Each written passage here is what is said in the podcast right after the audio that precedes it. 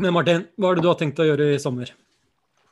Egentlig ganske lite, men det høres så skummelt ut. Men jeg husker liksom i, i fjor sommer så tenkte jeg at ah, det er det vits å ta ferie når man uansett skal være med i Oslo. Mm. Er det liksom eh, noe fra til. Men det er noe med det å eh, slippe helt opp på jobb, da. Mm. Selv om jeg syns jobb er kjempegøy, liksom. Det er liksom hobbyen min og jobben min samtidig.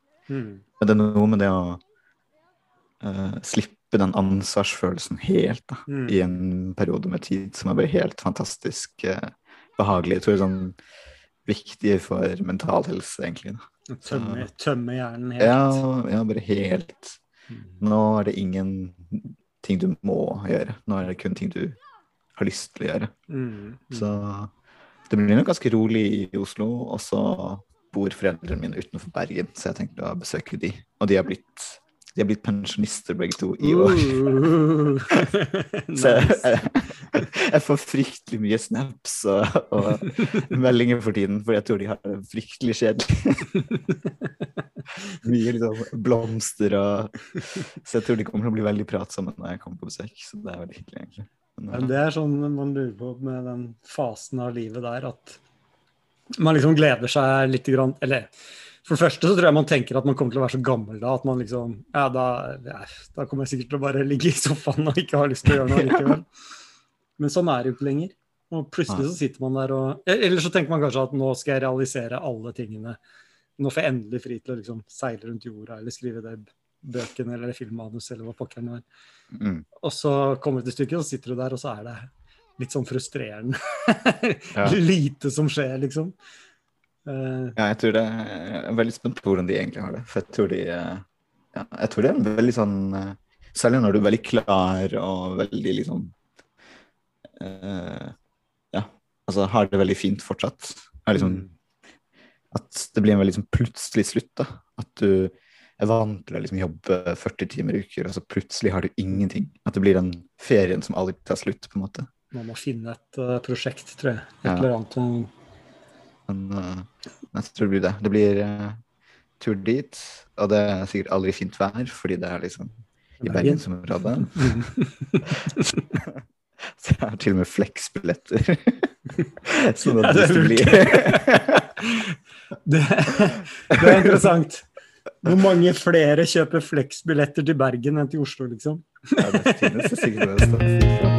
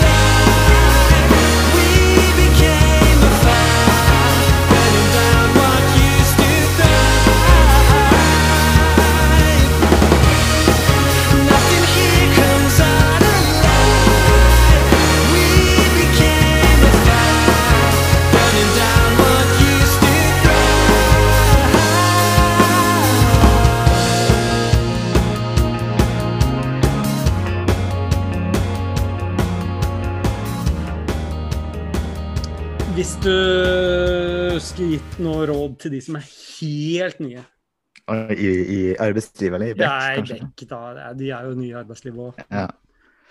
Hva hadde det vært, da? Det, jeg syns den er så tricky. Jeg husker liksom Jeg husker så godt en gang jeg satt på T-banen en gang. Altså, det var den som hadde gått på industriell økonomi på NTNU, Mm. som jeg egentlig ikke kjente så godt, men så satt seg ved siden av meg og bare Å ja, du jobber i Beck, og det er et sånn fint springbrett til nye arbeidsplasser. og har du, Hva er liksom planen din fremover? Mm. Jeg var sånn, Planen din fremover? Jeg er liksom alltid jeg Det er noen som snakker liksom om sånn femårsplan og tiårsplan. Og um, jeg tenker at uh, hvis man ikke har det, så går det helt fint. Og bare være litt åpen for liksom uh, Så lenge man liksom har det gøy på jobb og liksom ser ting hvor man kan lære mer og være åpen for nye muligheter. Da. Jeg tror den, Hvis man fullbooker seg helt, så kan det egentlig være litt synd, fordi da mister du kanskje litt muligheter. Mm. Så det har jeg prøvd å være litt påpasselig på, for jeg er veldig flink til å si ja til alt. Jeg prøver å liksom si litt nei, sånn at jeg kan si ja de gangene hvor det faktisk er skikkelig interessant. Istedenfor sånn litt interessant. Mm. Men eh, denne, ja, i Beck så får du så mye Det første året særlig, da. Du, det er så mye bra. Du får liksom så mye bare bootcamp-opplegget. Mm. Så genialt at du bare blir kastet ut i ting. Uh, du får liksom de faggruppene og Ja, du blir liksom Du får jeg, jeg, jeg tror man får en helt unik erfaring da, det første året i Beck, som er liksom kompetanse og sosialisering og folk som aldri har jobbet med andre fagfelt før, plutselig bare krasjer du inn i et system hvor du blir tvunget til å ikke bare jobbe med andre folk, men jobbe med andre folk på en god måte. Men uh, Nei. Uh, jeg, tror- jeg tror liksom det å være sånn nysgjerrig på ting du ikke syns er så interessant, det er kanskje litt sånn rådet. Mm. For det, det er sånn Når jeg har liksom når du, når du først setter det inn i noe litt mer enn litt overfladisk, så føler jeg at egentlig alt blir skikkelig interessant. Mm. Jeg har blitt overrasket over sånn eh, økonomiting. Så det er bare sånn finansgreier. Når jeg jobbet mye liksom, i bank- og finansverdenen i Bebek. Mm. Som er bare sånn Oi, det her er jo kjempeinteressant. Mm. Hvorfor i alle dager finnes dette finansielle systemet, liksom? Mm. uh, jeg, jeg tror liksom Det er kanskje en livsmottoet mitt også, da. Nesten sånn alt kan bli interessant så lenge du kan litt om det, liksom. Mm. Og jeg tror liksom noen av kundene i Beck kan virke litt eh, litt trauste litt konservative, da. Fordi det er mye liksom bank og finans og Men de kundene kan bli skikkelig interessante hvis man liksom for, Man kan jo forme arbeidsdagen sin veldig. Mm. Mm. Man kan gjøre bankene mer etiske ved å pushe de i en retning. Man kan Mm. uh, Ja, det er mye man kan gjøre, da. Og ja, gjøre teamet sitt til et effektivt team. Det er så mange, Mye- det er så mange dimensjoner av alt mulig rart. ikke sant? Du kan gå i retning av hvordan jobber vi, du kan gå i retning av hva, hva jobber vi med, du kan gå i retning av hvilke bransjer er vi i. Det, det, det er så mange dimensjoner på det som går på kryss tvers at man eh, egentlig kan finne noe Man kan finne noe man ikke visste at var eh, Mm. interessant, da, som du sier. Også, Jeg, jeg, ja, jeg, unnskyld, jeg, jeg, tror liksom det å huske at eh, åh, Det sleit jeg så mye med første halvåret i arbeidslivet. Jeg var sånn, jeg venta på at noen skulle liksom Når jeg så feil, eller når jeg så ting som kunne bli bedre, Mm. så venta jeg på at noen mer senior skulle ta tak i det. Mm. Og så tok ingen tak i det. Og til slutt ble jeg så lei at nå tok jeg tak i det selv, og det var kjempeskummelt. Mm. Men det var kjempelurt, liksom. Mm. Skulle ønske jeg liksom eh, skjønte tidligere at hvis, hvis altså, alle som jobber, som har lang utdanning og har klart å komme inn et sted som Beck, da er du en smart menneske, liksom. Så hvis du, hvis du tenker at her er noe muffins, eller her er noe rart, her kunne vi gjort en liten ting for å jobbe bedre med prosjekt eller team, så er det jo bare å ta tak i det, og i verste fall så ser folk litt rart på deg, liksom, i en Mm. halvtimes tid. Eller i verste fall så, får du skjønt, så blir du utfordra på hvorfor er det riktig å gjøre det sånn, og så lærer du kanskje noe om hvorfor situasjonen er sånn som den er, eller eh, ja, noe, noe, du, noe du vokser på selv. Da. Så den biten så er liksom ja, utrolig det, er, det, er, det er virkelig da man vokser, da, når man ser liksom Oi, her er det noe rart. Det her kan jeg ta tak i. Og jeg har faktisk en idé om hvordan vi kan ta tak i det. Og ikke vente på liksom eh, grønt signal, da. Men det tror jeg, jeg tror det er en sånn idé man eh, kanskje begynner med, eh, og som er veldig vanlig, at når det kommer til et selskap, så er det sånn ledelsen har designa et perfekt system, eller de mener at det er perfekt. Men det er jo ingen som Mm. Det er jo ikke sånn i en virksomhet at ledelsen mener at det de har, er perfekt. Det er alltid avveininger, det er alltid si, ting som er blitt sånn fordi det Ingen har jobba med det, ingen har sett problemstillingen før. Eh, Mm. Det du ser, er det ingen andre som har sett eller tatt opp før, eller kanskje til og med det er nødt til å bli sånn av en eller annen hensyn. Eller eh, det er en bieffekt av noe annet. Mm. Uh, og, og da er det veldig lett å tenke at uh, noen andre burde tatt tak i det og fiksa det problemet her. du som er sjef, eller du som sitter i den, den posisjonen, du burde jo fikse det problemet her. Men det er ikke nødvendigvis sånn at det er perfekt designa, og det er ikke nødvendigvis sånn at sels selskaper eller virksomheter kan bli perfekte heller. Uh, men du kan gjøre en forbedring ved å starte et eller annet som kan forbedre det. Hvis det er verdt å forbedre. Jeg tror liksom de, de flaueste situasjonene det er jo, Hvis man tenker litt sånn som det der, da, så kan jo man også bli litt lite ydmyk. Mm. Og det, de gangene jeg har liksom gått skikkelig på trynet, har jo vært litt Når jeg har hatt det mindsettet også. Det er sånn Ikke eh, skjønt historikken bak valg, da, og bare klagd høylytt i åpent landskap eller i et møte på hvor elendig de valgene har vært. Og så sitter det en person som har tatt de valgene i det rommet uten at jeg vet det. det. Det kan man kanskje stille litt spørsmålstegn ved før man angriper ting veldig hardt. Da. Er det noen som har jobbet med dette før? Altså, ja. Det er Ja, litt råd. komisk å se, ja, komisk å se ettertid. Dødskleint i det, situasjonen hvor du ser at uh, personene er sur uten tilsynelatende grunn. Altså er det fordi du er liksom hakket ned på ett års arbeid av en annen person.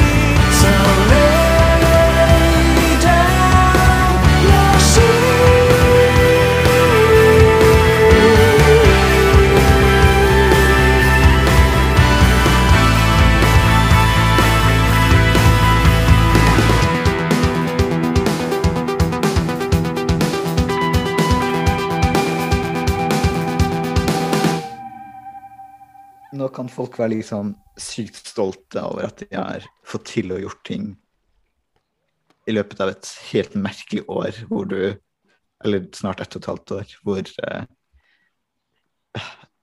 ja, det har jo vært kjemperart, fordi det føltes litt som eh, min nærmeste eh, følelse av kanskje en sånn krigsfølelse, da. At Mm. liksom det er konstant uh, lite frihet og og så jeg tenker sånn, I en krigssituasjon så kunne du liksom klemme foreldrene dine hvis det var Mm. kjipt. Og det kan Mm. du ikke da. Så Så er det sånn, selv om det ikke er liksom så fysisk grusomt for så mange, så har det vært veldig tungt mentalt. Så at folk i hele tatt har klart å gjort noe under liksom konstant mentalt stress, da. Mm. det syns jeg egentlig er Mm. litt imponerende, egentlig. At vi er så resilient, eh, liksom. Mm.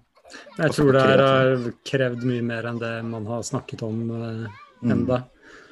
Um, så ja, jeg tror ikke vi har enda fått et grep om omfanget av psykiske utfordringer og, og, og um, ja, sosiale eh, problemer da, som har eh, kommet pga. tiltakene. Så Jeg tror det, det tror jeg er veldig fint. Da. At vi kanskje har blitt Kanskje det har blitt mer åpenhet å snakke om psykisk helse, f.eks. Mm. Det tror jeg er veldig positivt. Og kanskje man eh, har virkelig innsett hvor viktig kanskje de sosiale relasjonene Mm. faktisk er. Da. De, kanskje til og med de du ikke er så glad i, er også litt viktig. Mm. Det å ja, møte den kollegaen du er litt irritert på, er egentlig litt hyggelig, det også. Ja, men det var, det var det jeg skulle si da du snakket om det å invitere de vennenes venn, venners venner og de litt sånn i randsonen. Ja. Fordi det er jo et fellesskap nå i at alle har sittet hjemme. Alle Mm. har sittet og kjent på dette her behovet for å møte folk. Mm. Alle har litt sånn Alle kommer fra litt samme sted, da.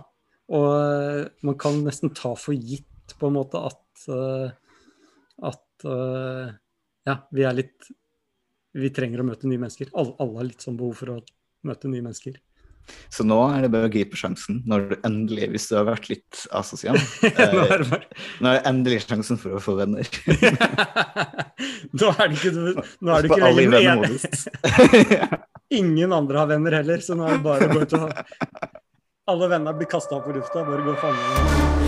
I